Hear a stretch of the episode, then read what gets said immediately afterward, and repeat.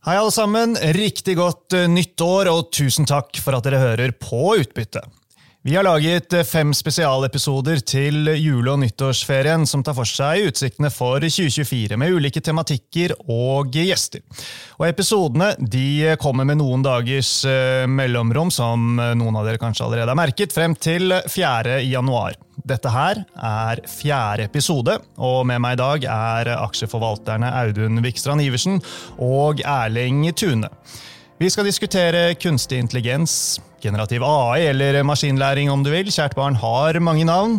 Dette har vært en veldig viktig bidragsyter for oppgangen i det globale aksjemarkedet i 2023.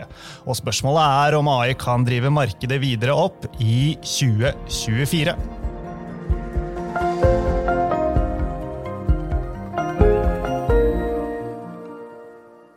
Velkommen til Utbytte, DNB-podkasten der vi forklarer hva som skjer i den globale økonomien og finansmarkedene. Jeg er eh, Marius Brun Haugen, og med meg har jeg altså Audun og Erling. Eh, velkommen, karer. Tusen takk. Tusen takk. Hyggelig å ha dere her. Vi får si at det er 11. desember da, når vi sitter eh, her, så vi får ta forbehold om at det kan skje ting eh, fram til denne episoden publiseres 1.1.2024. Eh, Men vi skal jo prøve å holde dette her til de store linjene, og forhåpentligvis så vil det vi prater om, stå seg godt uavhengig av kortsiktige eventer i markedet. Høres ikke det greit ut? Det høres greit ut. Herlig. Bra. Så hvis vi starter bare med å spole tilbake en god del år, så kan vi vel oppsummere det sånn som at fra 2009 til 2019 så hadde vi disse gylne teknologiårene der vi for alvor ble truffet av ting som eh, netthandel, fintech, eh, SAS var et ord vi ble kjent med, altså programvare som en tjeneste. Og i kombinasjon med dette her så hadde vi rentene som falt i kjelleren. Deretter så kom vi inn i perioden med covid, fulgt av krig, eh, inflasjon og renter som gikk opp i ekspressfart. Og som investor ble man mer eller mindre tvunget til å revurdere alt i denne perioden, her, fra 2020 til 2022. Og så kom 2023, hvor generativ AI virkelig satte fyr på teknologidelen av aksjemarkedet igjen. Og her står vi, altså. Erling, er vi bare i starten av en sånn lengre oppgangssykkel for eh, teknologisektoren, drevet av AI? Altså jeg tør ikke spå noe om aksjemarkedet sånn direkte. Vi, vi lever i en relativ verden og prøver å plukke de beste aksjene. Men det jeg er ganske sikker på, det er at vi kommer til å le av mye av måten vi jobber på i dag. Og hvis man tror at de store teknologiskiftene er over, så tror jeg man tenker helt feil. Jeg tror vi er i kanskje den raskeste utviklingen, eller det er vi helt sikkert, innenfor teknologi i dag. Og, og jeg tror 2024 kommer til å bli et ellevilt år med tanke på nye produkter, nye, nye AI-løsninger. Alt det vi har fått og sett av eh, AI i år, altså har det overrasket deg over uh, hvor bra ting har blitt, hvor fort det har skjedd osv.? Jeg, jeg får si som alle, alle vi møter, at ja, vi har holdt på med AI i ti år. alle sier det, Men vi, vi, definerte det som en av de viktigste trendene ja, for ti år siden ca. Eh, men, men, vi også ble tatt på sengen av, av, eh, av ChatGPT. Jeg var faktisk jeg prøvde ChatGPT da den ble lansert den 30. november i fjor. Og jeg, jeg, ble rett og slett blown away. Altså jeg trodde Hvis noen hadde spurt meg 29.11. at vi skulle ha et sånt verktøy eh, dagen etter, jeg ville spådd at det kunne være sånn, kanskje fem, seks, syv år fram i tid.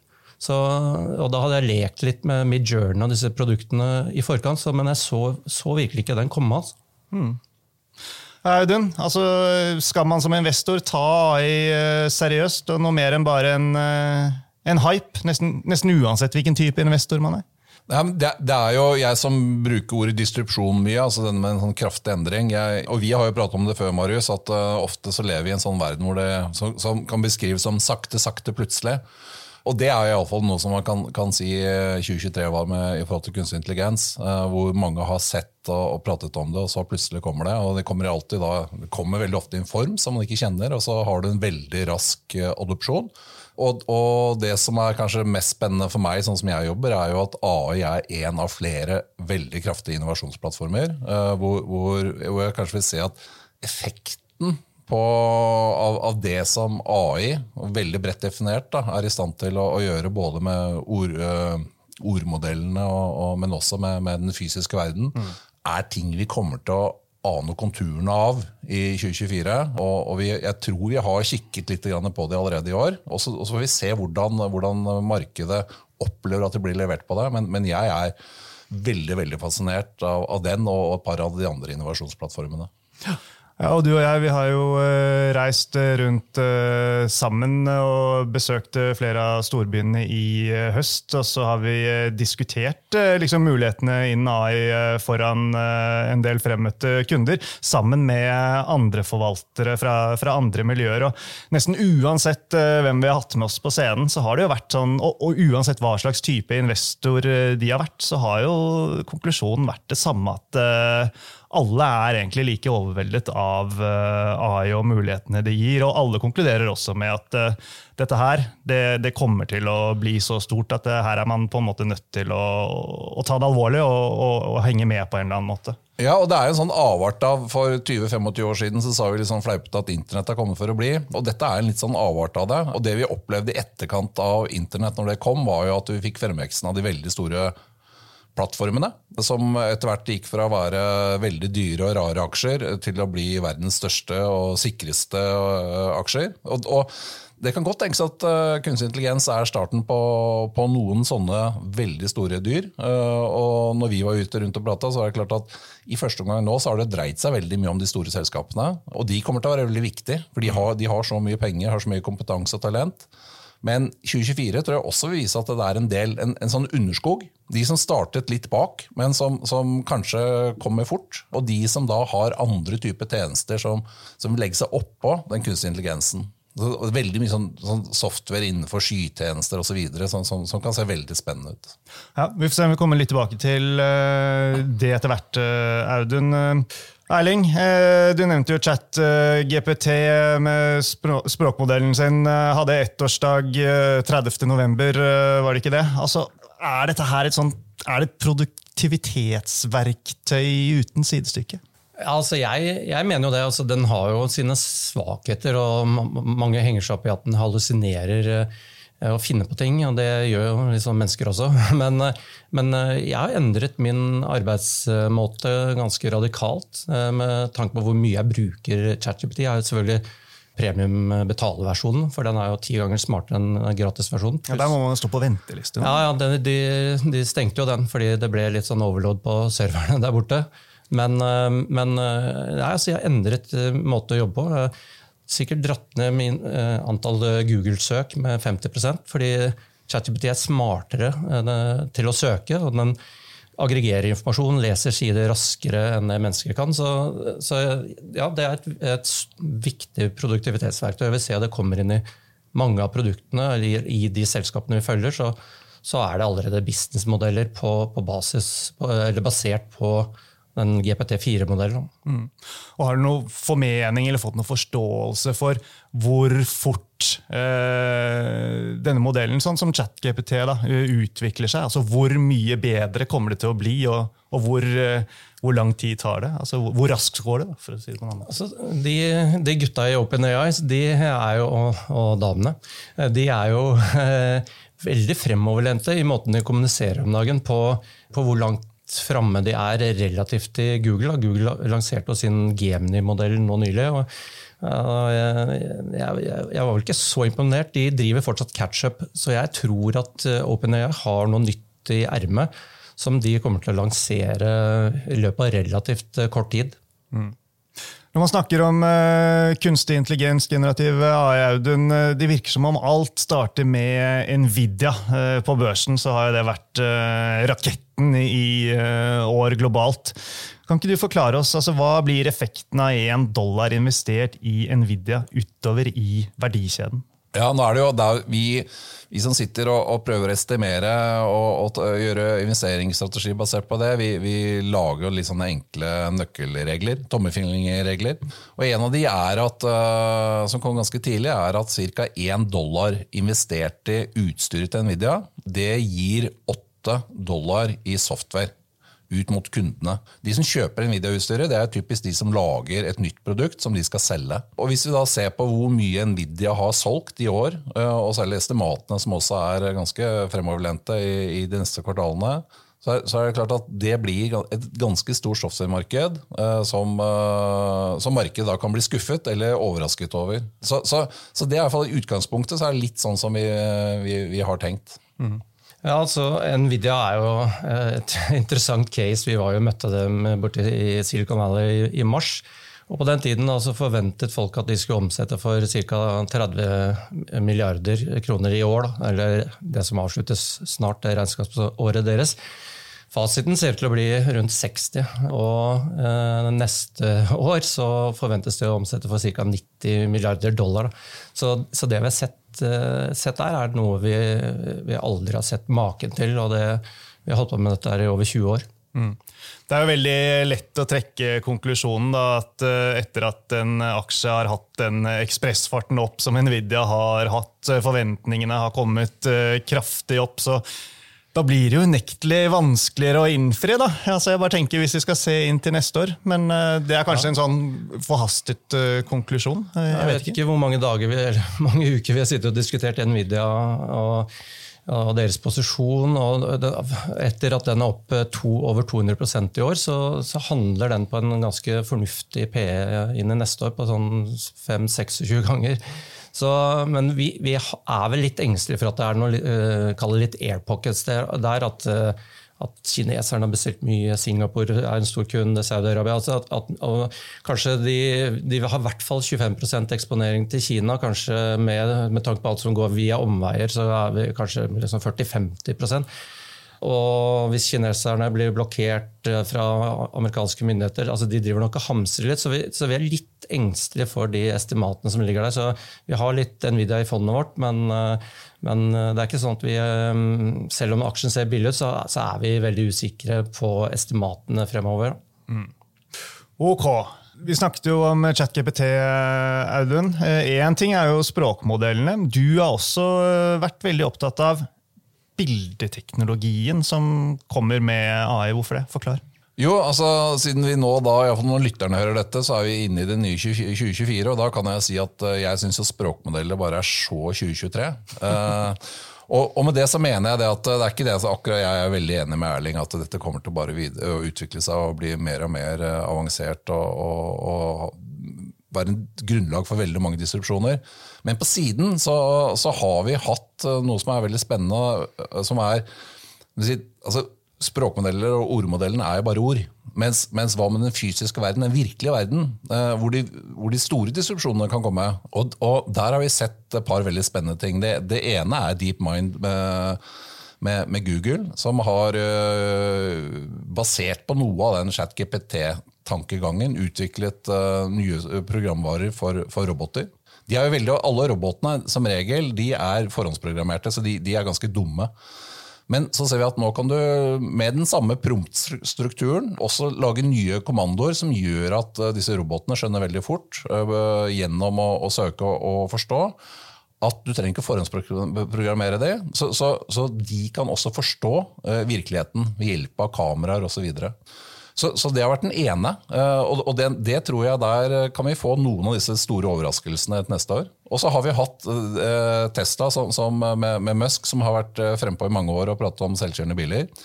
De har lagt om nå den full service driving-modellen sin, FSD, til en, et nevralt nettverk. hvor, hvor den bare trener bilen, eller softwaren i bilen, den kunstige intelligensen i bilen, kjører, trenes bare på videoer av de beste sjåførene. Og så, øh, så, så, så blir ikke bilen forhåndsprogrammert. Den ser ved hjelp av sine åtte-ni kameraer og orienterer seg i trafikken. Og så kjører den etter de beste, det de kaller da Uber 5-sjåførene i, i Tesla. Og dette er, eh, om det da, nå har kommet da, det er i hvert fall lovet sånn rundt årsskiftet, denne versjonen 12. Så dermed så får vi også disse store endringene i den virkelige verden. Liksom det, og det kan påvirke liksom da, alt fra lageret til, til, eh, til, hvordan man tenker bil og transport mellom A og B og i lufta osv. Så, mm. så, så, så det er for meg en veldig sånn spennende Jeg skal ikke kalle det sidespor, eh, men, men det er i hvert fall en, en delvis en konsekvens av, av disse, det som har skjedd med språkmodellene Så får vi se om de klarer å, å utvikle det, om, om, vi blir kjent med, med disse begrepene i, i, dette nye året. Altså, jeg henger meg på den, den at uh, språkmodellene er, altså, de er veldig viktige og, og, og disruptive. Men, men, vi også begynner å tenke litt mer på robotics-siden. Altså, for da, hvis du tenker etter, så har maskiner kunnet sett bedre enn uh, mennesker veldig lenge gjennom mikroskoper, kikkerter, bla, bla, bla. Uh, og, og, de kan gjenkjenne veldig bra. Altså, tenk deg Google Foto eller hvordan man driver ansiktsgjenkjenning. Jeg brukte ChatGPT her på lørdag skulle prøve å finne ricottaost i, i et gedigent kjøleskap i butikken. Og det var vel 100 oster. Tok bilde av kjøleskapet, for jeg vet jo ikke hva en ricottaost er. for er for det. Men, den, Høres ut som noe jeg kunne trengt i grønnsaksdisken. Men uh, maskinen fant det.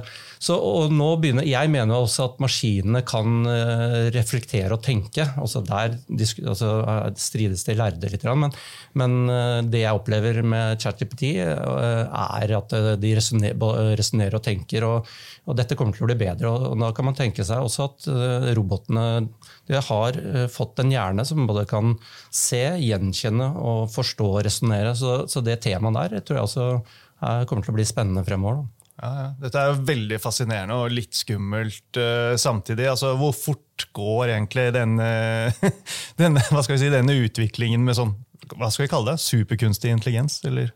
Um, altså, det, også, det, var en stor diskusjon om det var bakgrunnen for at Sam Altman i OpenAI fikk eh, sparken. At de hadde faktisk gjort en oppdagelse som begynte å bli farlig. Jeg tror, det, jeg tror, ikke det, var bakgrunnen. Jeg tror vi vet hvorfor han fikk sparken nå. Det var litt sånn personkonflikt med styret og, litt sånn. Men, men, eh, likevel så ligger det noen altså, tanker om at de har funnet eh, en, kall en uh, matte-GPT. Og en matte-GPT kombinert med en språk-GPT, det er en spennende kombinasjon. Og jeg, jeg, føler meg ganske sikker på at de kommer med noe som har en wow-faktor i hvert fall i løpet av uh, neste år.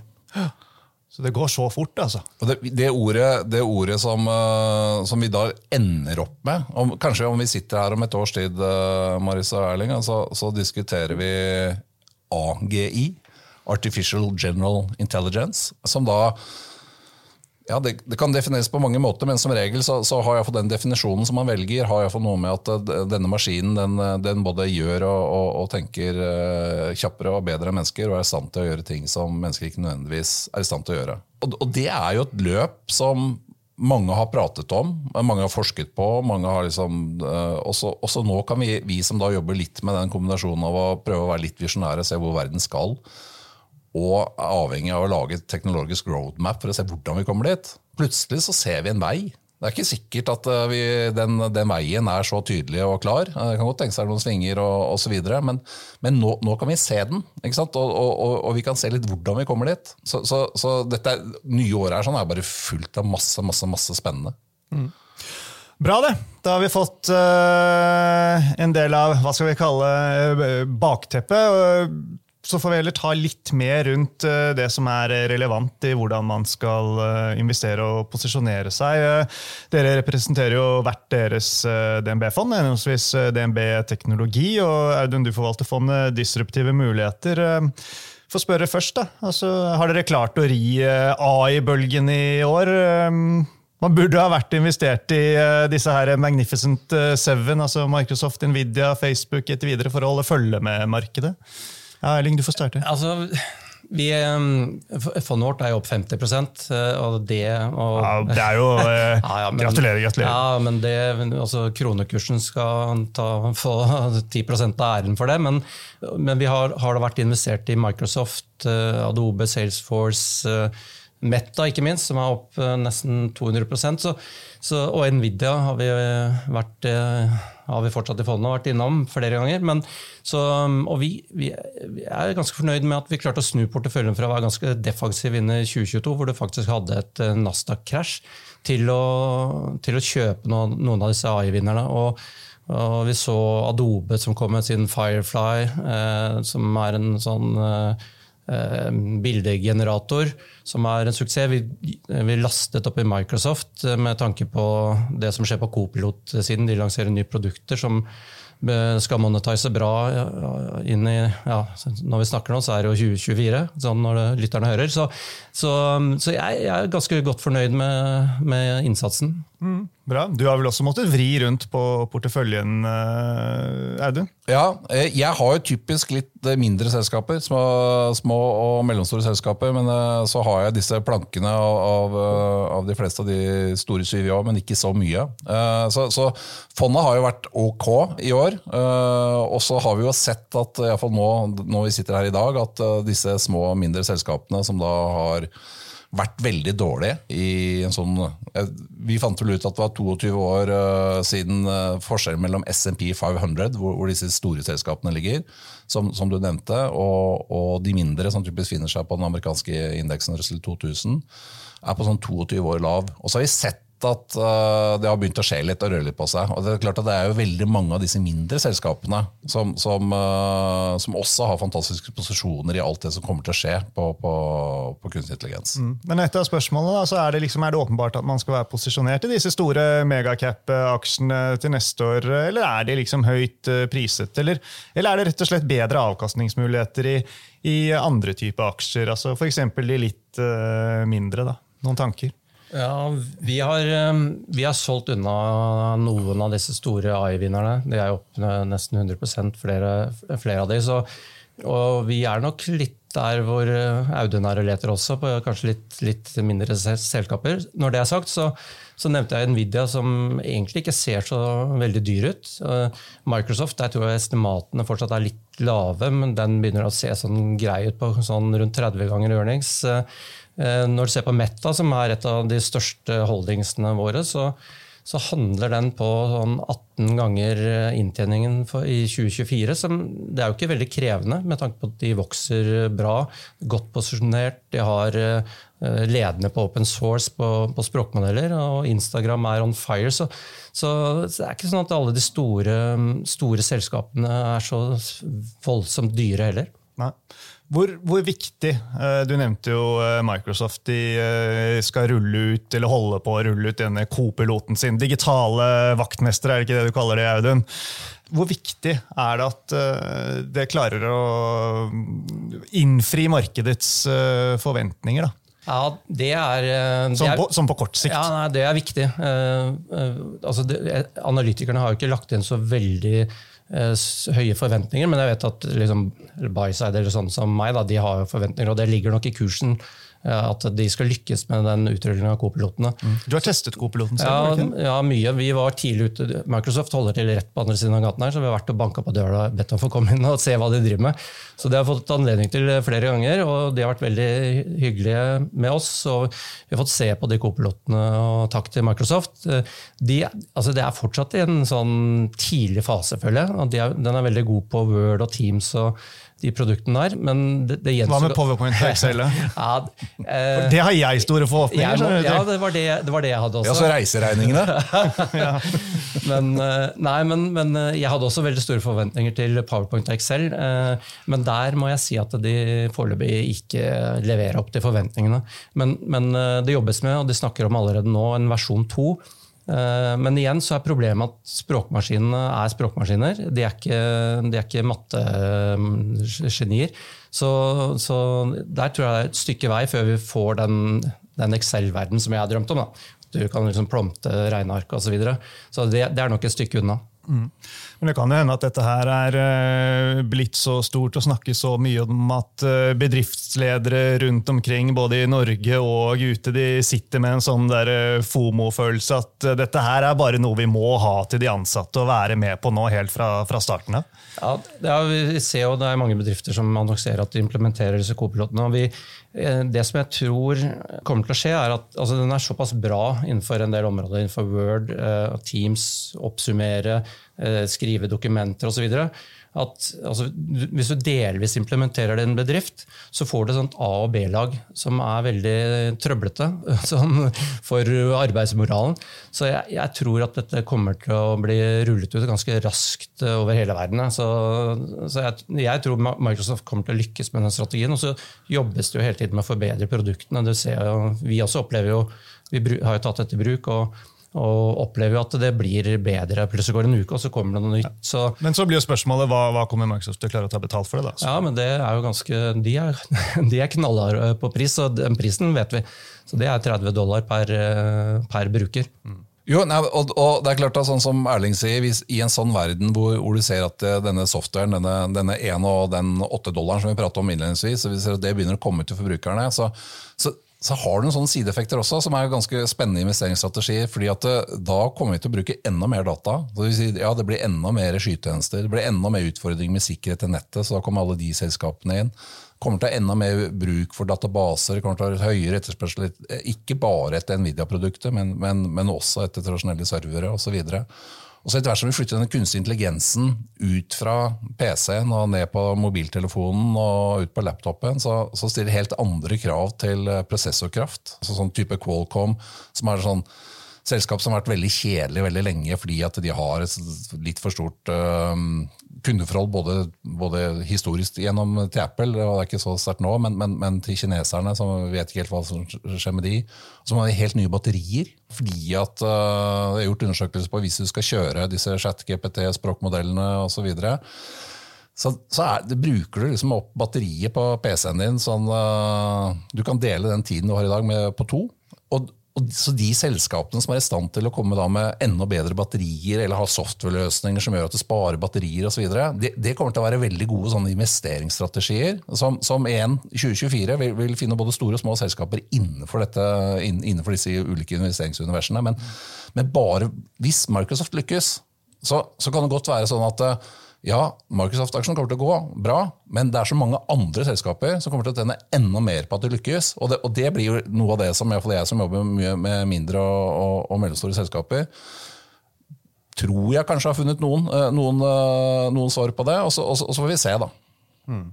Ja da, Én ting er jo liksom ChatGPT og Microsoft eh, Copilot. Eh, men jeg opplever vel at de fleste bedrifter, inkludert eh, oss her i DNB, så er det veldig mange som jobber med, snakker om og tester AI på et eller annet nivå. Og så vil man liksom, har man noen små prosjekter hvor man prøver å ta i bruk dette, men det er fortsatt på en sånn ganske tidlig i en tidlig fase. da.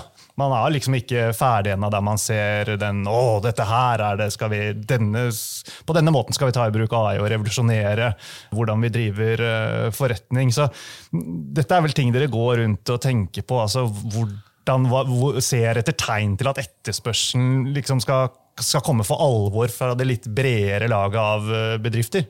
Ja, og, og, og, langt, langt, spørsmål. jo, men, men, men, men, eh, jeg har også liksom, lyst til å ta den kanskje enda litt lenger. for eh, jeg, jeg, har en sånn visjon i hodet mitt på, på, på, hvor vi kanskje kan være om et par år. Og Dette er jo da kombinasjonen av, av, av dette brede maskinlæringsuniverset vårt. Og det dreier seg om sånn, sånn, uh, Jeg er veldig glad i å, å lage sushi. Eller iallfall spise det. Altså, jeg har prøvd å lage det, det har jeg ikke vært så flink til. Hvis du forestiller deg at det, det fins en, eh, en da, ved hjelp av disse kameraene og, og, en kunstig intelligens, sånn som vi beskrev med, med, med videolæring her tidligere så om noen år, og det er ikke sikkert at det er så veldig lenge til, så, så går det an å forestille seg at eh, det er noen som reiser rundt med et videokamera og tar eh, video av alle de beste sushikokkene i hele verden. Og så lager han et treningsprogram som han kan laste i en app, som du kan laste ned på din hjemmerobot. Og så kan du ganske enkelt si til den roboten at i dag har jeg lyst på robot. Nei, har jeg lyst på, har jeg lyst på sushi? Og ut så kommer liksom verdens beste sushi. Og det er sånn, dette var liksom For, for 10-15 år siden uh, så var det helt umulig. Og i dag kan vi se, vi kan se roadmapet på det. Vi, vi klarer å, å, å, se hvilke typer roboter som finnes der. Vi klarer å se at ja, med det tempoet vi har i dag, så er dette kanskje en sånn mulighet som, som er i slutten av dette tiåret. Så er det faktisk kanskje at jeg sitter der på en uh, nyttårsaften og, og, og, har, og, har, lyst på, på sushi, og, jeg kan si det til roboten min, så får jeg det. Og, Og Det er dette som er så utrolig spennende. for Det, det er dette vi står liksom overfor nå. og Så kan vi liksom faktisk da lage det lille løypekartet inn på hvordan er det det vil skje, og når er det det skjer. og så liksom, Ja, sannsynligvis bomme litt, men det kan også gå fortere. Mm. Jeg henger med på det. Altså, vi er jo kjent for å være litt sånn skeptiske til, til, mye. Man kjøper ikke en hype, og, sånn, men jeg deler eh, den visjonen Audun, at kanskje ved slutten av dette tiåret at vi er der. Sånn, eh, men eh, sånn, med tanke på liksom, om dette blir eh, overalt, og alle tenker AI, alle bedrifter tenker AI, men vi er jo allerede der i dag. Der sitter ikke en ledergruppe noe sted som ikke lurer på hvordan de skal håndtere dette. og Litt sånn FOMO, og litt sånn hvilke muligheter har vi, og alle føler at de må ha en AI-strategi. men ja, er det lov å skryte litt av DNB på denne podkasten? Ja, det er det. jeg tror vi, altså vi, er, vi er jobber med dette på en veldig smart måte. Jeg lar smarte folk få, få jobbe med AI-produkter og liksom litt bottom up-prosess på hva er som er mulig å teste ut. Og, og, og, jeg tror det er måten å gjøre det på, istedenfor å liksom hyre inn McKinsey og BCG og liksom lage svære prosjekter. For ingen vet egentlig helt hvilken vei dette tar. Så, så dette er en sånn bottom up-prosess hvor man føler seg litt fram. Altså. Så, så, så det, det, tror jeg mange, mange driver da, men ja, DNB er veldig flinke på det. tror jeg. Ja, Det er jeg helt enig i, Erling. ja, ja, ok. Litt, eh, litt uh, selvskryt, det, det, tåler vi. Og det, ja, det, er jo andre enn oss da, som gjør det, så vi skryter ja, av de andre kollegaene våre.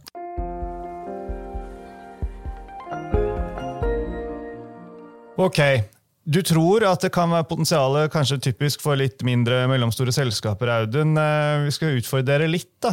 Et argument eh, til at det kanskje ikke er så eh, stort rom for de litt mindre selskapene, det er jo det at i hvert fall i flere deler av verdikjeden så kreves det enorme investeringer. Altså Investeringskostnadene for å få være med på dette her er svære, svære, svære. Og det er det de store som kommer best ut av, er det ikke det? Ja, altså, Hvis vi tar de store, altså de fire store, da. Meta, Amazon, eh, Google eh, ja, Hvem er den siste? Eh, Microsoft. Microsoft, selvfølgelig. Så investerer de neste år nesten 2000 milliarder kroner. Det er deres Capex-budsjett, som øker med ca. Ja, 20% og det forventes å øke øke fremover. Da. Altså, det er, helt... er det Norge satt av til AI? ja, det var vel Støre som kom med en milliard fordelt over fem år. Eh, eh, så det... ja, ja, det var et sidesprang. Et sidesprang. Nei, men, men, men, eh, det der er det jeg vil si nesten umulig å konkurrere mot med de som lager disse store språkmodellene. Men det er likevel litt sånn som Audun sier, da, at dette her, det er mye open source som gjør at de bygger plattformene som veldig mange små bedrifter kan lage produkter ut av. Så, så, vi har tenkt, har tenkt, veldig mye på liksom, om det er mulig å disrupte de store gigantene som investerer så mye. Og i dag så har de også eh, et veldig stort, eh, stor distribusjonsfordel. De når ut til tre milliarder kunder nesten på daglig basis med sine produkter. Så, så, så det virker jo nesten umulig å slå dem, men, men uh, vi vet jo fra historien at det kommer opp noen nye selskaper her. Det, det kan jeg si med, med stor sikkerhet. Mm. De mindre selskapene er flinkere til å lage kule ting. Det er de, og allerede jeg har prøvd mye med disse her, kall det sånn kopiloter til Powerpoint. Da. De, eh, det finnes jo hundre, eller hund, tusenvis av, av, sånne eh, forsøk på å lage produkter som er bedre enn eh, Microsoft sin Powerpoint. Og jeg har prøvd mange av de, og de, de er faktisk mye bedre enn, Power, enn PowerPoint i dag. Så, mm, så at, noen, at en av de kan lykkes, det ser jeg ikke bort fra.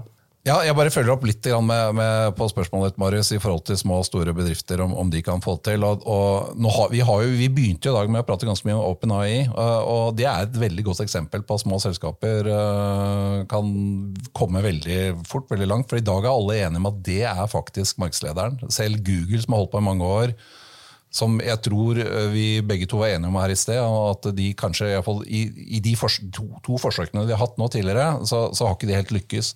Så OpenAI er egentlig et veldig godt eksempel på at uh, er smarte, flinke folk med talent uh, og har tilgang på ressurser. Uh, de må ha tilgang på datakraft osv., og, så videre, og det har de fått. men så klarer de å få til utrolig mye.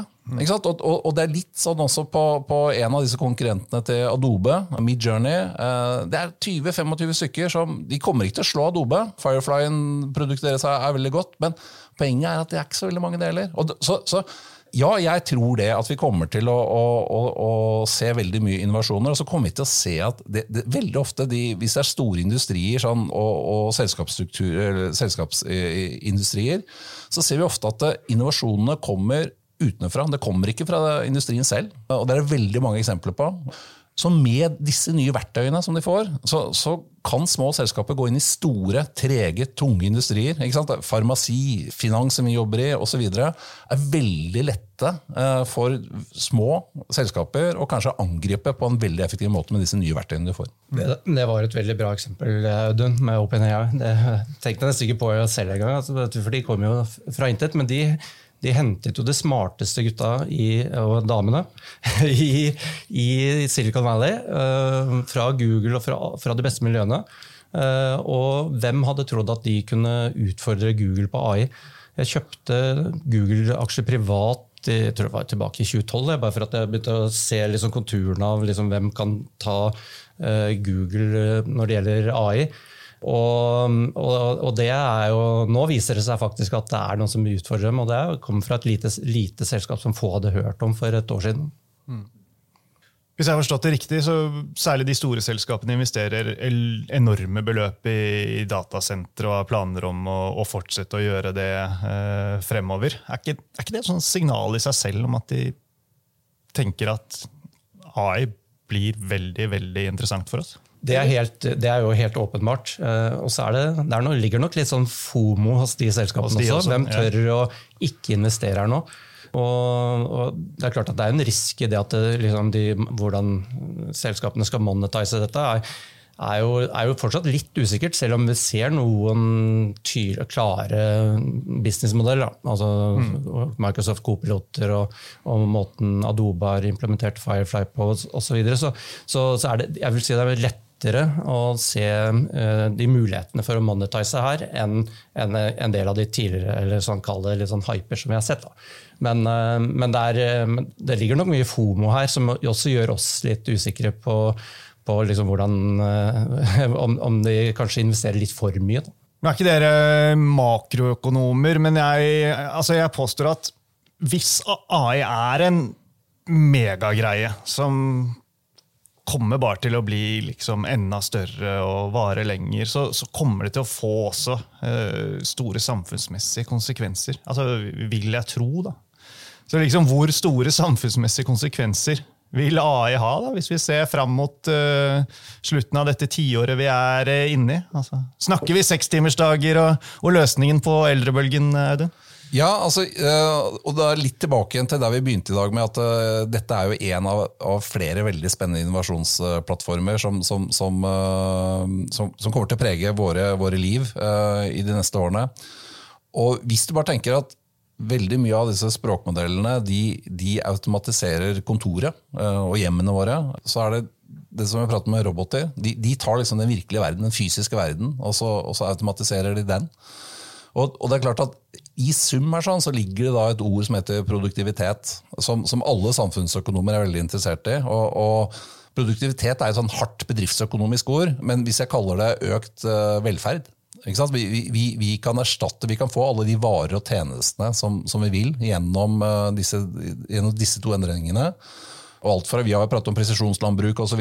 tidligere. Så, liksom, så, så, slår inn på alle disse ulike områdene hvor det produseres varer og tjenester i samfunnet i dag, og øker produktiviteten. Og Det gjør jo at vi som da har de siste 200 årene hatt maskiner og, som har erstattet tenner og føtter, og så ser vi at nå kommer de inn og tar også erstatter eh, litt hjernebark her med kunstig intelligens. Skal begynne å erstatte våre kognitive prosesser.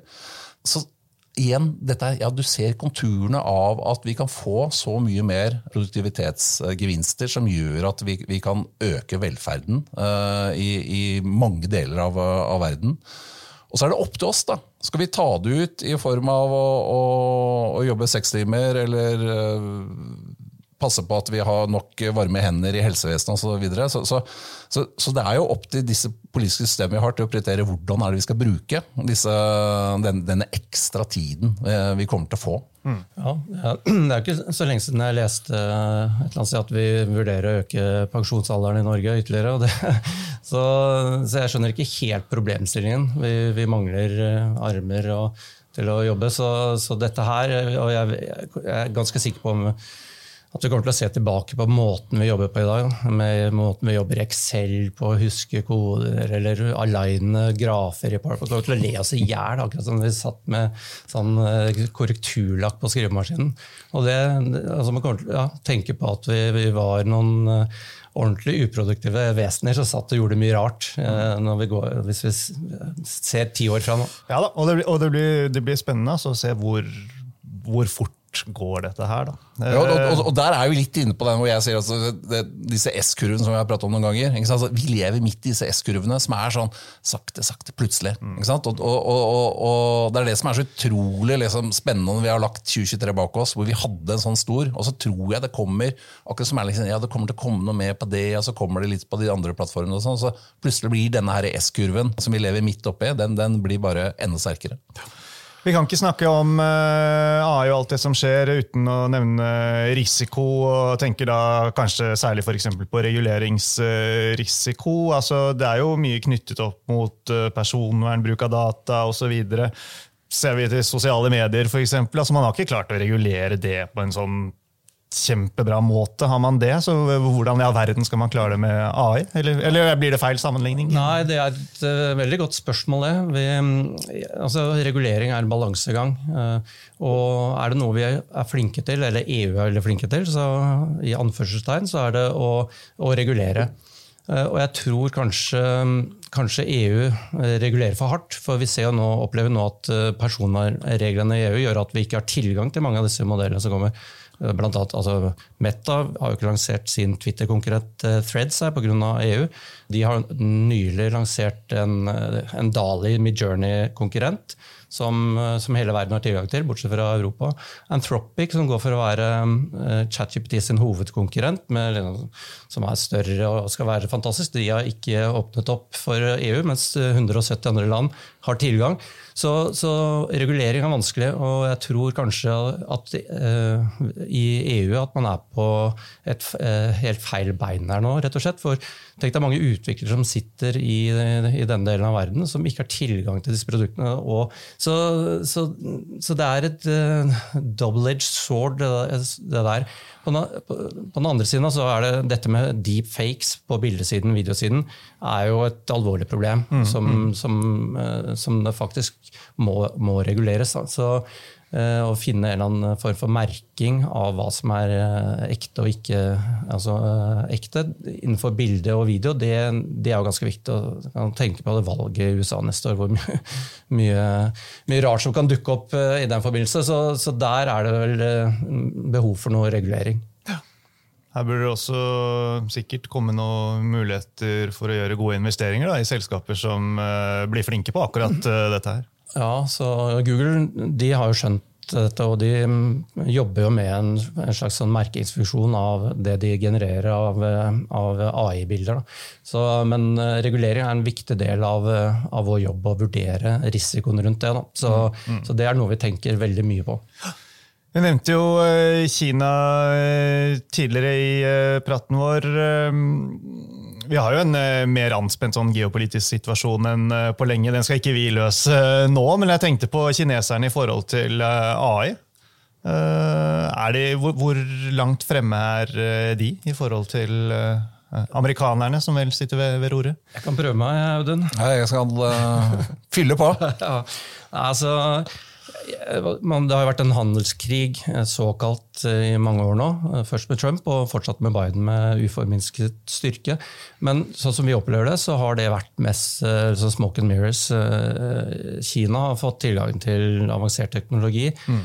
Og hvis ikke de får tak i direkte, så kjøper de via omveier. Så Så eh, de ligger nok ganske langt fram i løypa, kineserne. Så, om, man er litt så usikker på om amerikanerne egentlig mener noe altså med, med den blokaden av Kina, eller om det, er bare ord.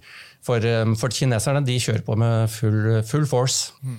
Ja, og, og, der hvor de, eh, de, er nok ikke så gode på disse språkmodellene. De har jo hatt Baidu, som er en sånn, sånn mini-Google i, i, i, Kina, som har prøvd seg på, på, noen ting som nok har kanskje også lignet litt mer på Google enn i Microsoft, Microsoft sine forsøk.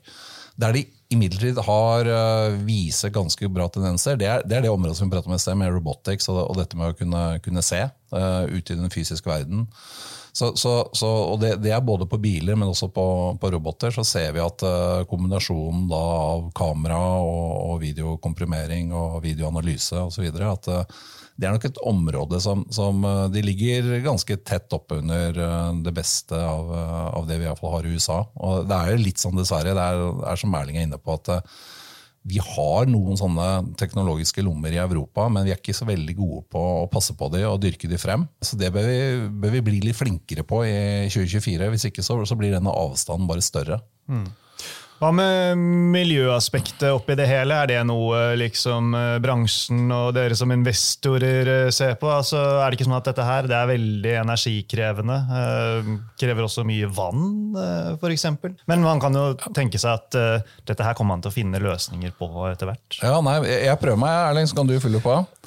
Nei, det, altså, det, er veldig energiintensivt. og Derfor er det litt sånn som jeg prater om disse investeringsstrategiene på selskaper da, som er gode til å ha, altså, finne gode løsninger på det å, å få ned energiforbruket i en, i en sånn stor sånn, uh, serverpark, uh, som, som, vi kaller skyen de er jo, er jo selskaper som, som, kommer til å ha mye etterspørsel. Og vi ser at Det er det eneste de etterspør nå, det er sånn energieffektivisering. Mm. Uh, og gjerne kombinert da med etter hvert som disse blir større og større, og det blir varmere og varmere rundt dem, så, så, er det jo alt av vifter og, og sånne type ting som, som blir veldig viktig. Men nå har de store teknologiselskapene egentlig vært ganske flinke til å kjøpe, da, kjøpe seg inn i eller bygge egne solkraftanlegg osv. for å kompensere for i fall en del av den ekstra energien de bruker. Så Det er en problemstilling. Øh, og man bruker veldig mye vann. Både liksom i, i, form av, av, avkjøling, men også i produksjonen av alle disse halvlederne eller semikonduktorene man bruker. Og det er ikke så veldig mange år siden, to-tre år siden, så hadde man øh, var Taiwan Semi, som er den store,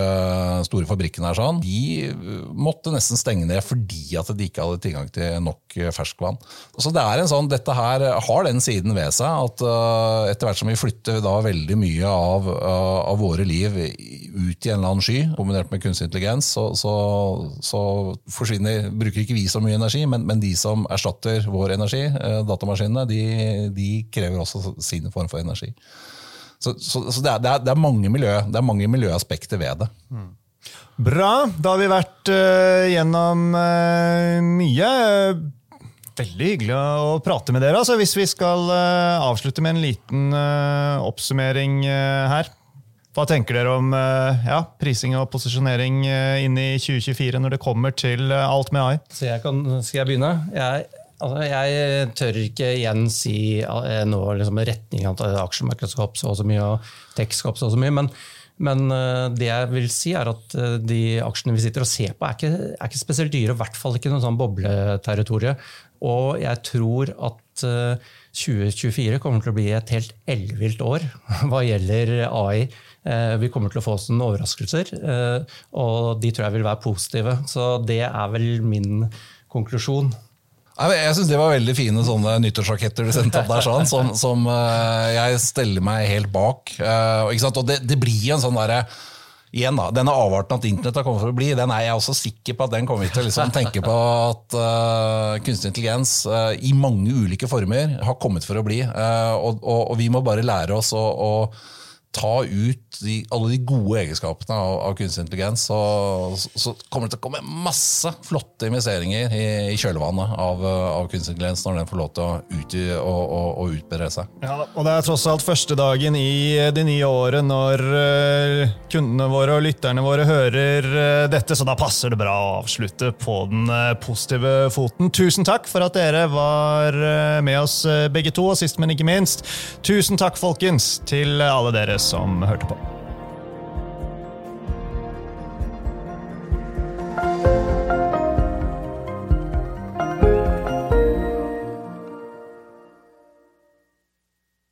Denne sendingen ble publisert i podkasten Utbytte. Innholdet i sendingen er å anse som markedsføringsmateriale fra DNB og er ment å være generell spareveiledning. Sendingen skal ikke oppfattes som et tilbud om å kjøpe eller selge finansielle instrumenter, eller som investeringsrådgivning tilpasset den enkelte investors situasjon. En investor som har behov for råd eller har spørsmål om informasjon som gis, bør kontakte en finansrådgiver. DNB påtar seg ikke noe ansvar verken for direkte eller indirekte tap som følge av innholdet i sendingen legges til grunn for eventuelle investeringsbeslutninger. Husk at historisk avkastning aldri er noe garanti for fremtidig avkastning. Avkastningen kan bli negativ som følge av kurstap. Bruk av prognoser for å beregne fremtidig avkastning er heller ingen garanti for fremtidig avkastning. Innholdet i sendingen bygger på informasjon fra offentlig tilgjengelige kilder som DNB ser på som pålitelige, men som ikke er uavhengig verifisert. Følgelig gir DNB ingen garanti i forhold til nøyaktighet og fullstendighet. Alle uttalelser her reflekterer DNBs, den enkelte ansatte, eller andre tredjeparts vurderinger på tidspunktet for den aktuelle sendingen, og kan i ettertid endres uten nærmere beskjed. Ytterligere informasjon om bl.a. kildebruk og interessekonflikter er tilgjengelig på dnb.no skråstrek invest disclaimer.